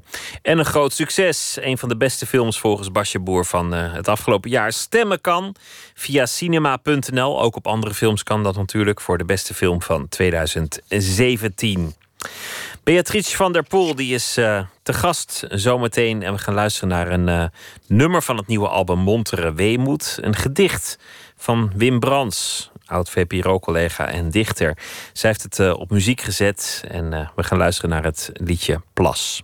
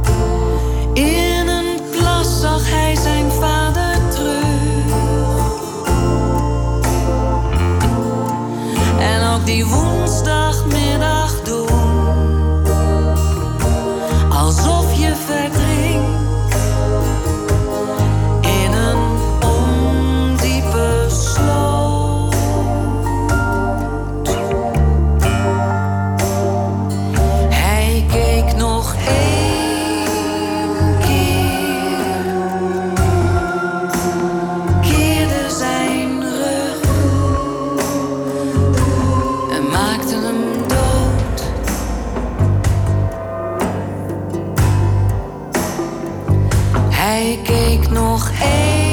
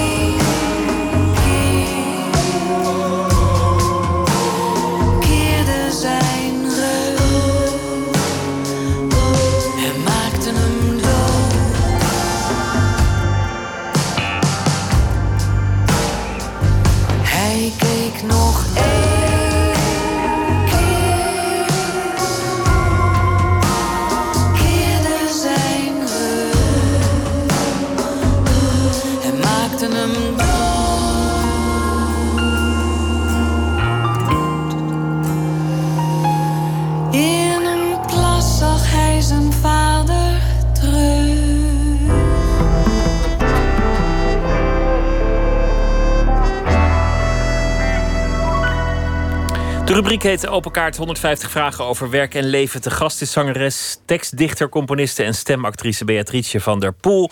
Miss B wordt ze ook wel genoemd. De laatste maanden was ze te zien in het theater met Thomas Verbocht. Een voorstelling, literair muzikaal. De titel is uh, Montere Weemoed. Is nog te zien als je snel bent. En er is nu ook een uh, album verschenen met dezelfde titel. En daarvoor schreef ze alle nummers zelf, behalve wat we net hoorden. Dat was een eh, gedicht van Wim Brands, waar zij wel de muziek bij uh, maakte. Beatrice, hartelijk uh, welkom. Dankjewel, Pieter. Montere Weemoed. Wie, wie Thomas Verbocht kent, weet meteen waar je het ongeveer moet zoeken, wat het is. Zou het ook op jou kunnen slaan? Ja, dat is wel een reden waarom, we, waarom wij met elkaar zijn gaan werken. Want we, we kennen elkaar al heel lang vanuit de tijd dat Wim Brands dat programma bij de VPRO nog presenteerde. Music Hall. Met uh, allerlei schrijvers die daar uh, live hun probeersels voorlazen of, of boeken. En er was ook een bandje, de Izzy's, onder andere. Uh, of tenminste, ze heette de Izzy's omdat ze Isha Meijer ook begeleiden in zijn programma. Met zijn Franse chansons. Exact. En, en die deden daar uh, ook af en toe muziek, muzikale dingen. En ik werd daar wel eens gevraagd om, uh, om te zingen. En ik had een heel leuk repertoire. Ik was dol op oude jazz.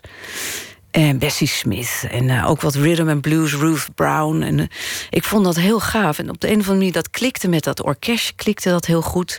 En daar kwam. En ik, daar kwam toen een, een heel project uit, een album als Miss B. En daar ken ik Thomas van. Thomas Verbocht, die liep daar ook rond als schrijver. En uh, raakte ja, aan de praat. Of ik heb dat natuurlijk ook een beetje. Hij heeft mij een beetje gevolgd. Ik heb hem op een gegeven moment steeds gevraagd om anekdotische verhalen te schrijven voor mijn voorstelling. Dan schreef ik een stukken voor een nieuw album. En dan ging ik het theater in en dacht ik, ja, ik moet iets hebben wat die liedjes met elkaar verbindt. Maar je kan niet zeggen van het volgende liedje gaat over. Dat kan niet in het theater. moet altijd wel een beetje iets. Een soort leid moet er wel in zitten. Ja, het moet ook natuurlijk ja, een beetje vragen oproepen of mensen in verwarring brengen of wat interessanter zijn dan zo'n verhaaltje. Uh, dan aankondigen. En dat, dat wilde hij heel graag doen. En hij zag, dus hij luisterde ook naar mijn muziek. En daar kwam natuurlijk ook steeds die melancholie en de weemoed en de hang naar, ja, wat is altijd de vraag. Het verlangen of naar vroeger. Of...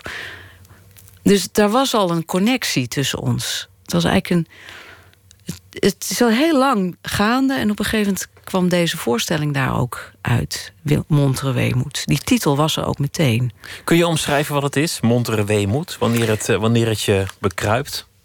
Uh, nou, weemoed bekruipt mij heel regelmatig. Melancholie, ben best wel bluesy ingesteld. Ik ben best wel zwart kijker, zeg maar. Of een beetje... Ik zie altijd wel het drama erin. Ik ben ook heel erg geïnteresseerd in drama's van anderen. Ik kan er lekker in, in hangen, zeg maar. Maar ik ben zelf verder heel erg positief ingesteld... in die zin dat ik altijd door zal gaan. Gewoon nooit zal opgeven. Of altijd wel uit negatieve dingen wel weer een positief dingetje haal. Zo. Dus dat monteren, dat zit er. Ik ben, ja, ik ben wel gelukkig of zo. Weet je. Ik ga, ben niet depressief of zwaarmoedig. Ik ben altijd echt een vechter en door. En zie ik overal het positieve weer van in. Dus die, dat, die contradictie is, mooi. Ja. ja, dat is gewoon dat, je, dat je niet, niet permanent uh, in de gloria loopt te zingen dat alles zo mooi is. Nee, eerder de nostalgie omarmen.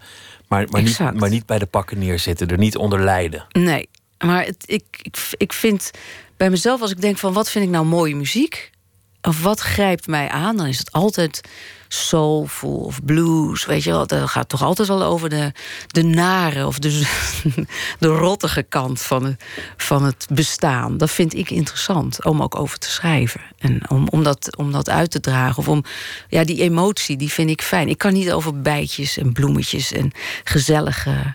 Misschien in, dat, dat, is in muziek de montere weemoed wel het mooist. Niet, niet de muziek die, die helemaal wegzinkt in geweeklaag. Maar nee, nee, dat niet. Maar... Waar, waar toch aan het eind nog wel ja, een, ja, een beetje vreugde in zit. Ja, vind ik wel. Maar ik vind het ook wel lekker als het. Als, ik, ik hou echt van donkere, donkere, zwarte muziek. In die zin zwart dat het gewoon. Ja, ja, sowieso zwarte muziek vind ik heerlijk. De soul en de blues. Ik ben er echt heel erg van. Maar uh, de, de zware kant van het bestaan, dat vind ik, dat vind ik mooie onderwerpen. Maar dat, ja, ik denk dat heel veel kunstenaars dat hebben. Of artiesten, ja. dat is gewoon, dat is interessanter. Gewoon. De zwarte kant of de duistere kant van het leven. Dus uh, hier is het album en uh, de voorstelling is nog te zien. Ik stel voor dat we beginnen met de kaart en kijken of we wat op de wat te weten komen over Montere Weemoed. Je hebt dus echt een kaartenbakje. Want ik zit altijd te luisteren en denk, ah, dat is, dat is niet waar. Ik denk dat het allemaal fake geen- is. Ah, Ja. Ik ga er een uitpakken. Veel is fake, maar dit niet. Wat is het laatste boek dat je gelezen hebt? Nou, ik, ik spreek heel veel luisterboeken in voor mijn werk. En uh, het geld wat ik dan verdien met dat werk, dat, dat stop ik weer in de muziek. Daar maak ik dan een album van. Of daar vraag ik dan mijn muzikanten weer van. Dan huur ik dan de studio weer van. Dan laat ik het weer mixen en masteren. Een mooi boekje, een mooie foto, bladibla. Dus het laatste boek wat ik heb voorgelezen... was uh, van Astrid Holleder. Het vervolg op Judas. Het eerste ver, uh, Ja. het, dagboek. En dit ging over justitie wat ja, meer, hè? het dagboek over, over van een eh, getuige heet het. Ja, dus de, ju- ja, dus de, de, over justitie, hoe justitie met getuigen omgaan in Nederland. Dus eigenlijk was best wel een heftig boek om voor te lezen. Want het is ook, ook heel erg uh, vanuit, uh, vanuit een dagboekstem eigenlijk.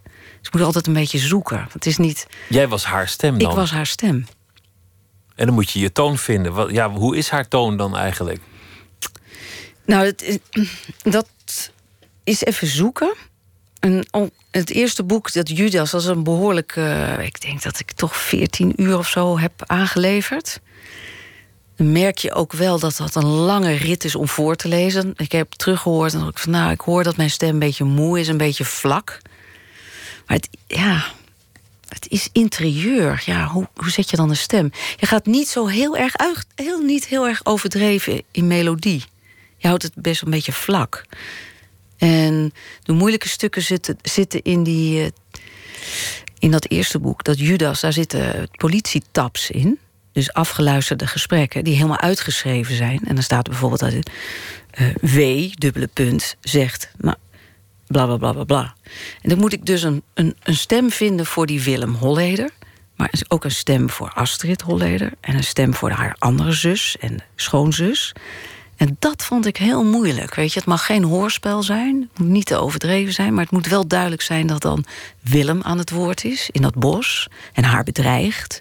En dan komt Astrid, die heel stoer dan daar antwoord op geeft. Maar moet dit een het is andere heel toon. tricky, ja. Dus dat is het laatste boek wat ik heb gelezen. Antwoord nou, op je vraag. Meteen een mooie antwoord. Laten we nog een vraag uh, doen. Ja, oké. Okay. Op welke collega ben je jaloers? Oh, welke collega ben je jaloers? Nee, niet jaloers. Nee. Is het niet jaloezie? Nee, het is niet jaloezie. Ik heb wel af en toe dat ik bij sommige collega's, uh, zeg je dan toch? Ja. Collega's denk, nou, waarom jij wel daar in dat programma en waarom zit ik daar nou niet? Waarom word ik daar nou niet voor gevraagd? Zo weet je wel. Van, ja, nou, kan is dat hij er weer? Dat ja, had ik moeten ik doen. Kan toch ook, ik kan toch eigenlijk, dat had ik eigenlijk wel wil, graag willen doen. Zo, weet je. Ja, ja. Een beetje benijden of zo is dat. Maar jaloers is wel een heel zwaar woord hoor. Nee, maar het is heel goed, want, want als je iemand benijdt, dan weet je ook wat je wil. Dan weet je wel wat je wil. Dan weet je wat je wil. Ja. Maar dan heb ik wel ook heel snel van, ach, ah, laat ook maar. Mijn tijd komt nog wel, zoiets. Ja, dat is ook wel gezond. Mooi. Trek nog maar een kaart. Oké, okay. even denken hoor. Kun je goed afscheid nemen? Nee. Dan Nee? Gaat, nee, en dat is wel heel duidelijk. Daar gaat eigenlijk de hele plaat over. Mijn nieuwe cd. kwam ik laatst achter. Even, en afscheid van wie allemaal? Waar hebben, wat voor afscheid hebben we het dan over? Ja, ik, ik denk dat dat... Dan gaan we ja, een beetje psychologie... Uh, een beetje amateurpsycholoog uithouden voor mezelf. Ik denk dat dat komt uit mijn jeugd. Ik heb, uh, mijn vader is heel vroeg overleden. Althans, toen ik heel jong was. En hij was ook veel te jong. Hij was denk ik net 51 of zo. Waar ging hij aan dood? Hij kwam in een slip terecht met heel glad sneeuw en hagel en ijzig weer. En met zijn auto was hij op weg naar, uh, naar zijn werk. En hij reed altijd van uh, de Bollenstreek naar Utrecht. Dus hij maakte echt veel. En toen waren er nog niet zoveel uh, snelwegen, volgens mij. Of niet zo makkelijk. Die weg, ik rijd er heel vaak over. Die weg was toen heel smal, langs een, een, een vaart. En hij is daar, uh, ja, wat ik heb teruggehoord en gelezen in de politierapporten en zo. Hij is in een slip geraakt bij het uitwijken van een fietser. En hij is over de kop geslagen in de sloot. En was op slag dood, werd gezegd. dus ik heb nooit afscheid van hem kunnen nemen. En op de een of andere manier is dat. Daar heb ik heel veel over nagedacht. Waarom mijn veel liedjes daarover gaan. Of ergens een, een link naar hebben, afscheid. Ik, durf, ik, ik vind dat heel moeilijk.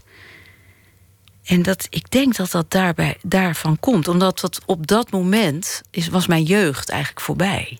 Iemand gaat de deur uit en komt nooit meer terug. Het moment dat je die persoon terug ziet, ligt die opgebaard in een, in een kist. En dat was het. Dus ik, ik, in mijn herinnering heb ik, heb ik gewoon een hele rare switch gemaakt.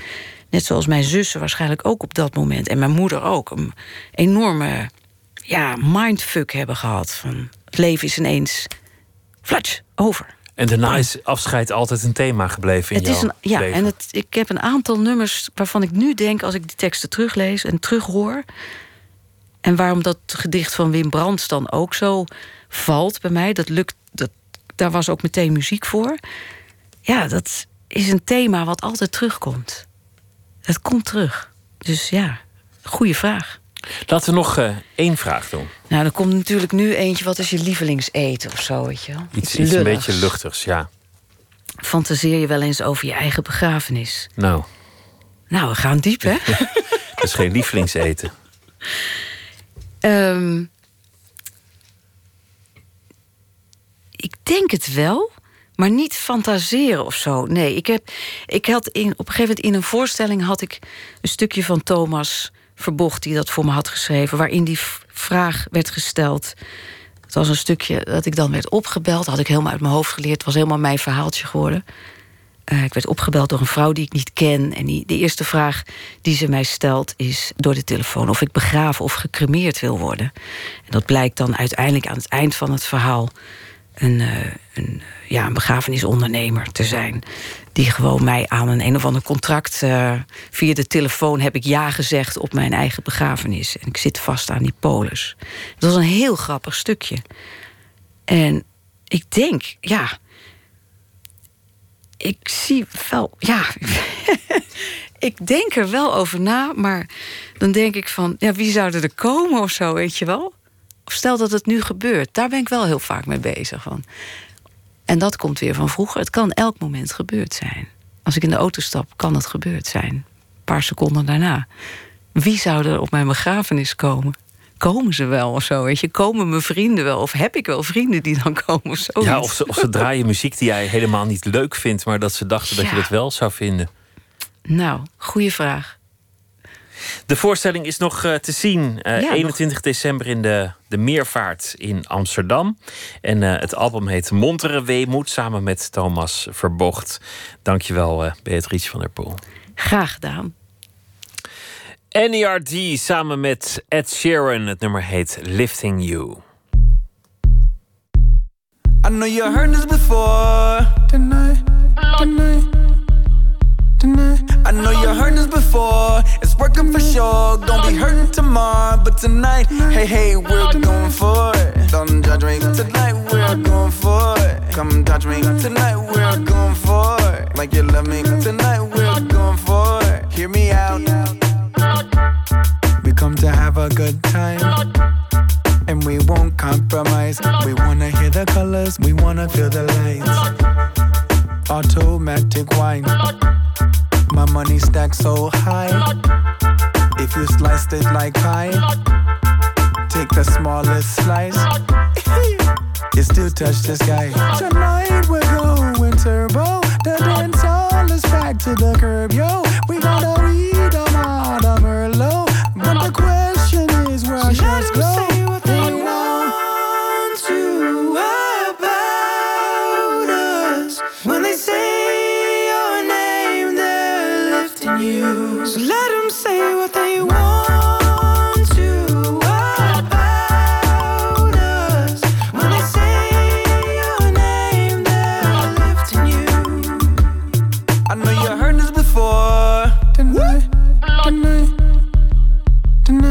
know you heard this before. It's working for sure. Gonna be hurting tomorrow, but tonight, hey, hey, we're going for it. Don't judge me. Tonight we're going for it. Come touch me. Tonight we're going for it. Like you love me. Tonight we're going for it. Hear me out. You ever seen one girl take over the night, take over the city and restore its pride. If you're gonna roll a blunt, then roll a blunt right. The room is too dark, someone spark up the light. Full ice, got the strap on this side. Woo! My people still fly the kite, but I learned from my grandma to master my eye. Oh shit, I'm talking too much, I'm too fucking high. Tonight we're going turbo. The dance hall is back to the curb, yo. We got a weed on out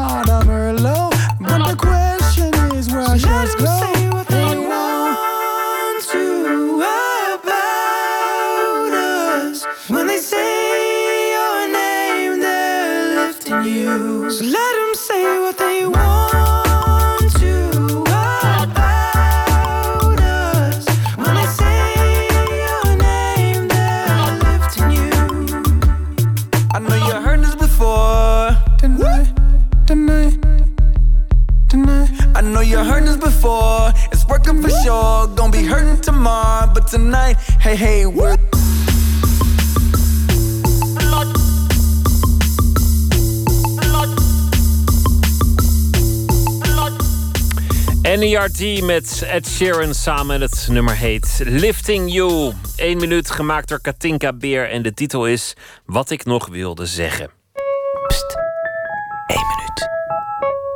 Ik ging op de ramen tikken. Ik probeerde de ramen kapot te maken. Dat hielp allemaal niet. Toen dacht ik, ik ga de deur open doen. Dat lukte niet. Uiteindelijk heb ik toch een raampje opengekregen. En het enige wat ik weet is dat het in één keer al dat water kwam. En dat het allemaal donker werd. Ik wist niet waar voor, waar achter, waar boven was. Ik wist niet meer wat ik moest doen. Ik kwam er niet meer uit. Toen kwam het moment dat ik me heb overgegeven. Dat ik dacht van nou, het is ook wel goed. En toen kwam er een soort van licht en tunnel. En werd het eigenlijk allemaal wel heel behagelijk. En een hele gek moment dat ik... ehm, dat ik me realiseerde dat mijn leven is nu eindig. Het is afgelopen. Maar ik kan het ze niet meer vertellen. Mijn vriend, mijn ouders. Dat zij dan zouden denken... zij is verdronken in de auto en dat is het. Ja, eigenlijk wil je dat laatste stukje van je leven... wil je toch nog aan ze meegeven. Maar dat kan dus niet. Het valt wel mee. Dat wilde ik ze eigenlijk nog zeggen.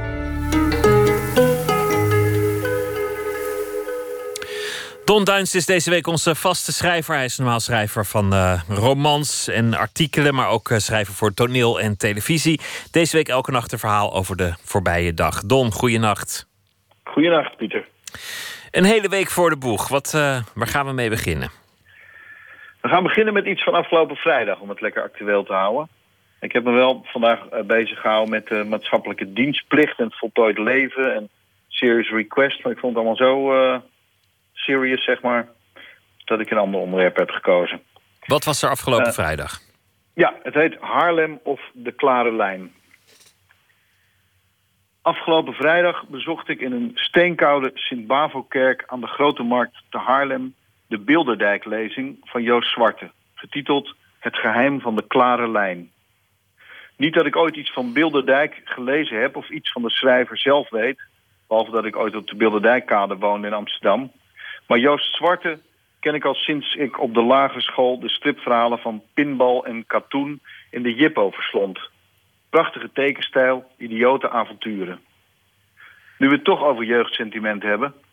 Elke gelegenheid om naar Haarlem te gaan is voor mij welkom. Hetgeen eigenlijk onzin is, want ik heb er 42 jaar niet gewoond en slechts 8 jaar wel. Alleen waren dat wel de eerste 8 jaar van mijn leven. En projecteer ik sinds de door mijn ouders afgedwongen verhuizing naar Huizen in het gooi allerlei mooie gevoelens op de stad van Bomans, Beets en Moelisch. Gevoelens die meestal door de barre werkelijkheid worden gelogenstraft. Haarlem is een witte stad, een brave stad, een stad die riekt naar middelmaat. Over Haarlem zou je kunnen zeggen, in analogie met de bekende uitspraak over Frankrijk en de Fransen, mooie stad, jammer dat er Haarlemmers wonen. In zijn inleidende speech in de BAVO haalde de Haarlemse burgemeester Jos Wiene dan ook de haat-liefdeverhouding met de stad aan van veel kunstenaars. Zo heeft Harry Moelis ooit gezegd, men woont niet in Haarlem, men lijdt aan Haarlem. En ook bij Bilderdijk en Bomans kom je uiterst laatdunkende commentaren op Haarlem tegen. Gelukkig niet bij Joost Zwarte. De tekenaar, architect en grafisch vormgever... die onder andere de toneelschuur ontwierp...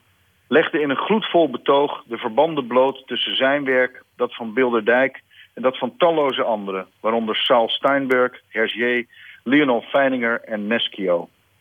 Ook het begrip klare lijn werd door Zwarte helder uitgelegd. En hoe die lijn via Kuifje ook Zwartes eigen werk kenmerkt. Tot mijn grote geluk werd dit verhaal geheel van afbeeldingen voorzien... door Zwarte plaatjes genoemd. En zo kon ik de langzaam oprukkende kerkelijke kou in de BAVO voor enige tijd vergeten. Wat hou ik toch van strips, dacht ik al luisterend en kijkend. Wat hou ik toch van tekenaars?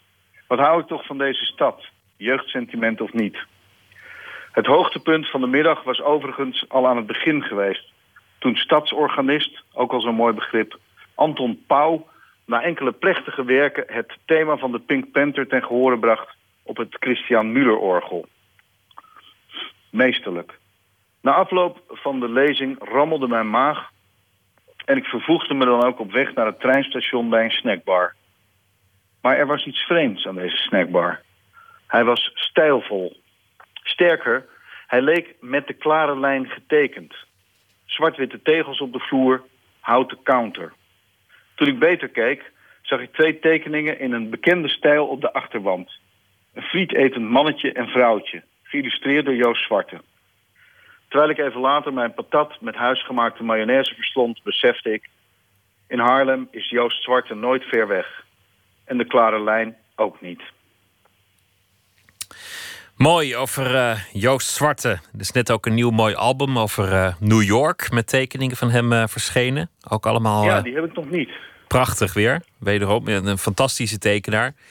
Ik vroeg me toen wel af wat zou er gebeurd zijn als hij niet in Haarlem had gewoond, maar in, in Parijs of, of in New York. Dan, dan was het misschien nou ja. wel een legende geweest. Ja, dan had hij daar misschien gebouwen ontworpen. Maar nu is het mooie dat je dus in Haarlem ja, los van het toneelstuk, je komt overal de sporen van hem tegen. Dus dat is, uh, ja, dus laten we blij zijn dat hij hier woont, toch? Zeker. Dan kunnen we allemaal in New York gaan wonen. We moeten trots zijn op uh, Joost Zwarte en zijn fantastische tekeningen. Dankjewel, Don Duins.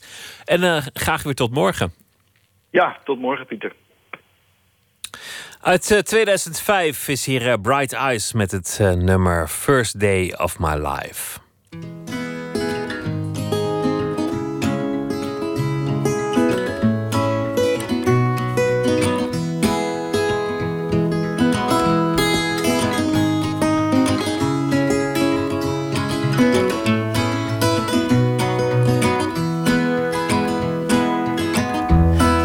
First day of my life.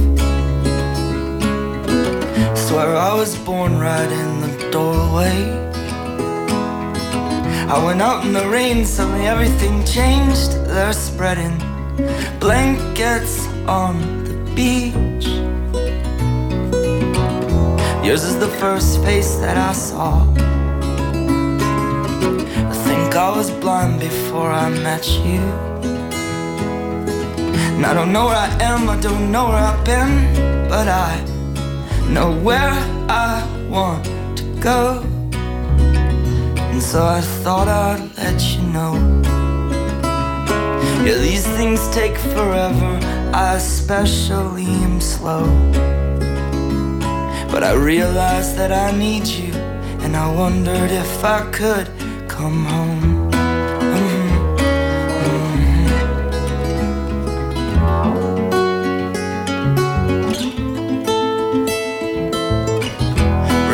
Time you drove all night just to meet me in the morning. And I thought it was strange, you said everything changed. You felt as if you just woke up. And you said, This is the first day of my life. I'm glad I didn't die before I met you. But now I don't care, I could go anywhere with you. And I'd probably be happy. So if you wanna be with me, these things there's no telling, we just have to wait and see. But I'd rather be working for a paycheck than waiting to win the lottery.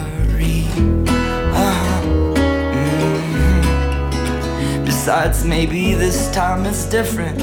I mean, I really think you like me.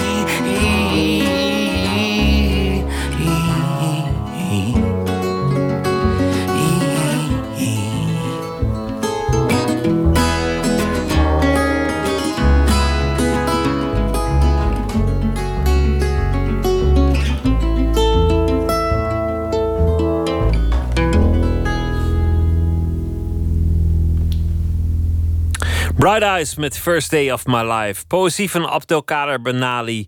Dit gedicht heet De Polstok Hoogspringster.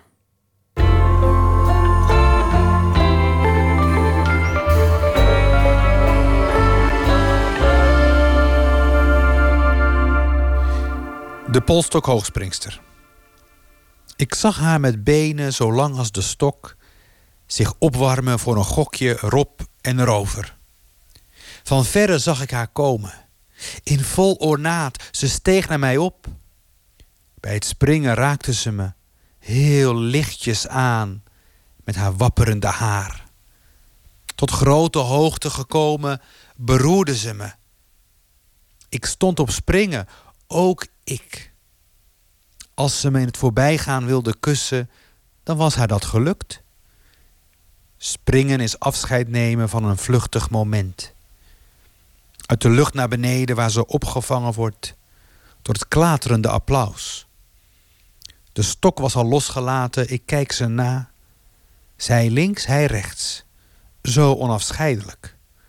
Komen op de mat weer samen. Ik uh, ben een jaar stadsschrijver geweest van Helmond in, uh, in Brabant. En um, schreef ook poëzie, ook op verzoek. En kreeg het verzoek van, een, van atletiekvereniging of ik een gedicht kon schrijven bij, bij, bij een beeld van een polstok hoogspringster. Een beeld wat, uh, wat ooit was gemaakt in de jaren 70, 80. Uh, en toen uh, weg was gehaald, opgeborgen en vergeten. Tot twee, drie jaar geleden weer ontdekt werd. En weer werd teruggeplaatst. En om dat moment te, ja, te, te, te, vast te leggen, vroeg men mij of ik daar iets bij kon schrijven. Nou, ik hou van atletiek, ik ben zelf hardloper. En ben ook heel erg gefascineerd van de polstok hoogspringers, springsters. In dit geval is de polstok hoogspringster omdat, uh, nou omdat, je, omdat je ook een beetje kan spelen met, uh, met, het, uh, ja, met, met, met, met, met de fascinatie voor het vrouwelijk schoon, zullen we maar zeggen. En het perspectief is hier, heeft u misschien gemerkt. Hier de is, is hier de, de, de lat waar overheen gesprongen wordt. Is de lat die de polstok hoogspringster bekijkt. Dus je kijkt door het oog van de lat, het, eh, de, de stok waar de polstok hoogspringers overheen gaan. De polstok hoogspringster. Ik zag haar met benen zo lang als de stok zich opwarmen voor een gokje erop en erover. Van verre zag ik haar komen in vol ornaat, ze steeg naar mij op.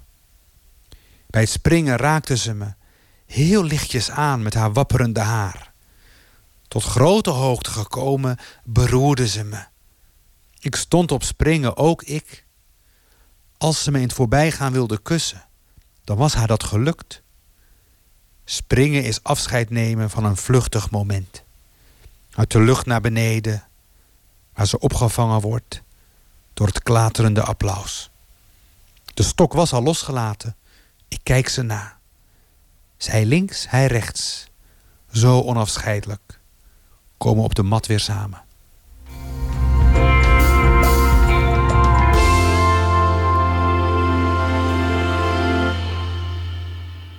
Abdelkader Benali.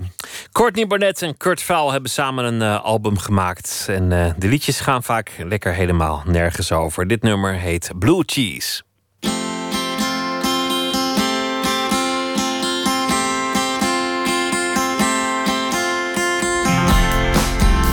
Rock and roll.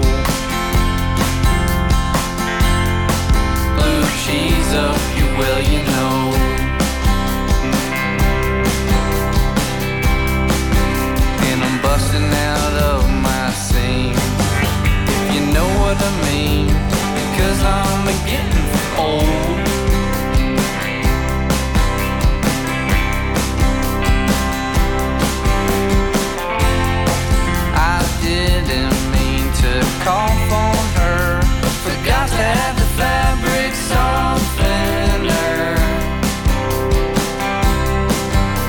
I met her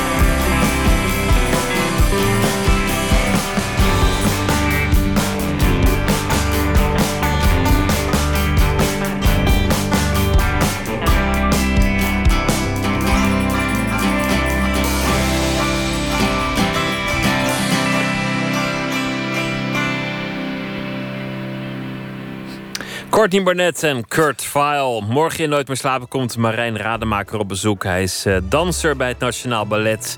Hij was eh, geblesseerd, had een eh, operatie nodig, een kraakbeentransplantatie. Maar dit jaar staat hij weer volop op de planken. Dat allemaal morgen in Nooit meer slapen. Voor nu wens ik u een hele goede nacht en zometeen op NPO Radio 1 de EO.